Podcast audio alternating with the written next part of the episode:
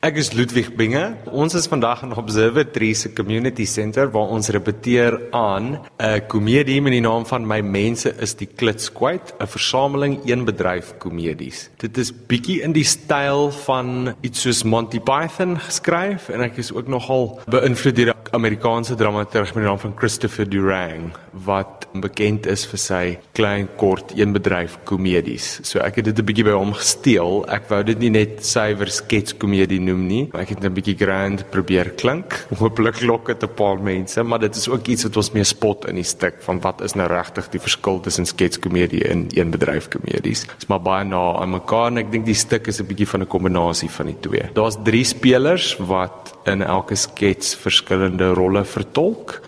En ek het nie 'n spesifieke tema in gedagte gehad nie. Ek het eintlik nogal instinktief geskryf daaraan. Ek het meer idees vir scenario's in gedagte gehad en dan het ek hulle so 'n rowwe draft gegee en gekyk waar hulle kan gaan. En toe na die tyd agtergekom dat dit eintlik nogal verband hou met Afrikaner kultuur en ons mense se gemaksones en hulle gewoontes en hulle fobies en hulle prejudices en ek dink ek probeer so spot met al daai goed maar daar's nie pertinente kommentaar maak of spesifieke temas noodwendig nie. Dis Relien Daniel en ek is een van die akteurs. Ek dink die ja, die skets wat ek die meeste geniet is 'n skets met die naam Die liefde is bipolêr en dit speel af op 'n Tinder date in 'n hipster restaurant in Kaapstad wat net heeltemal verkeerd gaan en ek dink omdat ek dit so geniet is dit raak regtig so belaglik. Al die sketse raak so in 'n manier so so ek dink as mense dit kom kyk, jy moet dit nie te ernstig opneem nie. Dit is nie tipiese Afrikaanse komedie dink ek soos mense aangewoond is nie, maar meer soos Ludwig nou gesê het in in ander style. Dit is so over the top en so belaglik en my karakter is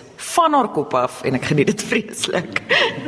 my naam is Wessel Pretorius, ek is die regisseur en ja, ek dink dit is vir my toe Ludwig vir my gesê het wie sy invloede was, veral Durang, ek wat ek nie goed ken regtig nie en ek het van sy goed gaan lees en ek dink Ludwig se styl is baie mooi op so of die mespunt tussen ironie, donker ironie, maar ook absoluut relatable belaglikheid satire is baie cool. Ek dink die skets wat vir my die lekkerste is ook is liefdes bipolêr bloot omdat ek so kan identifiseer met die feit dat wanneer jy in verhoudings is mens nogal die klits kwyt raak.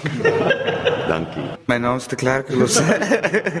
ek is akteur en my mense is die klits kwyt. Ek weet die uitdaging hier was nogal omdat van die sketse soos hulle genoem het belaglik kan raak. Dink ek is die uitdaging vir my gewees om dit belaglik te kan maak maar nog steeds te grond in iets wat werklik is. So hoewel die karakters absurde goed doen, moet hulle nog altyd believable wees. Jy weet, net glo dis regte mense en dis waar die uitdaging vir my gesit het.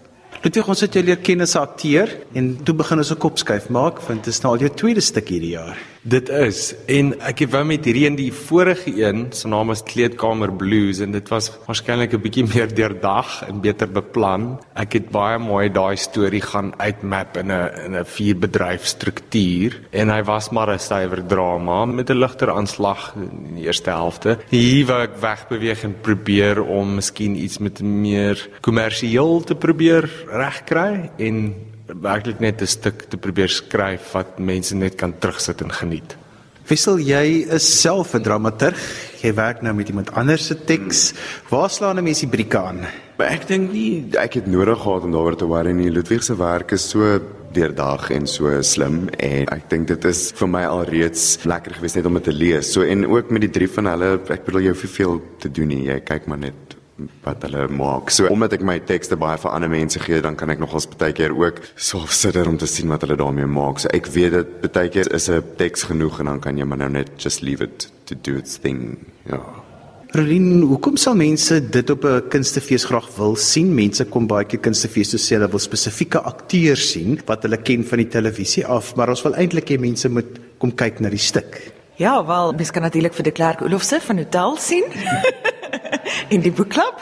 Maar nee, nee, eh, eh, Rolien Daniel en 'n klein rolletjie in fynskrif, maar nee, soos ek sê, die stuk is net dis fun. Dit is absolute fun, maar met 'n bietjie deurdagtheid daar agter. Ek dink daar's hier en daar baie lekker skerp kommentaar, maar as jy hou van bietjie donker humor en bietjie aweregse humor, dan dink ek is hierdie die stuk vir jou.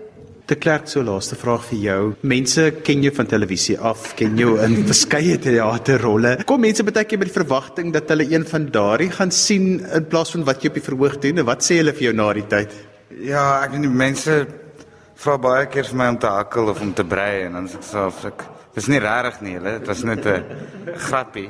maar nee, ek dink mense sal dit geniet. Dit is ek dink omdat die karakter so wack is, kan jy nie help om in te koop in die lag nie. En ek dink is ook 'n guldige geleentheid vir mense om net terug te sit en vir hulle self te lag. Ek dink dit is een van die beauties van die stuk is dat as jy net bietjie terugsit en kyk na wat voor jou aangaan en hoe belaglik dit is, dan moet jy vir jouself kan lag en vir ons volkie. Wessel, ons is nou hier waar julle weer julle repetisies optel. Daar's min tyd oor. Wat lê nog voor? Waar oor is julle angstig voor openingsaand by Aardklop? Ek is nie regtig angstig nie want ek hoef nie woorde te onthou of te perform nie. So ek het nou alles gedoen wat ek wou doen en nou is dit hulle weer. Nee, ek joke. Hulle daar ek het so glad nie oor iets angstig nie. Ek dink ons het hard gewerk. Gewoonlik as ek weet ek is angstig is dit omdat ek voel ek het nie hard genoeg gewerk nie, maar ek dink almal hier so het hulle job gedoen. Ons tel dit nou net op en maak hom nou net 'n bietjie ek dink skoner en dan vat ons hom maar kyk vir die mense daarmee.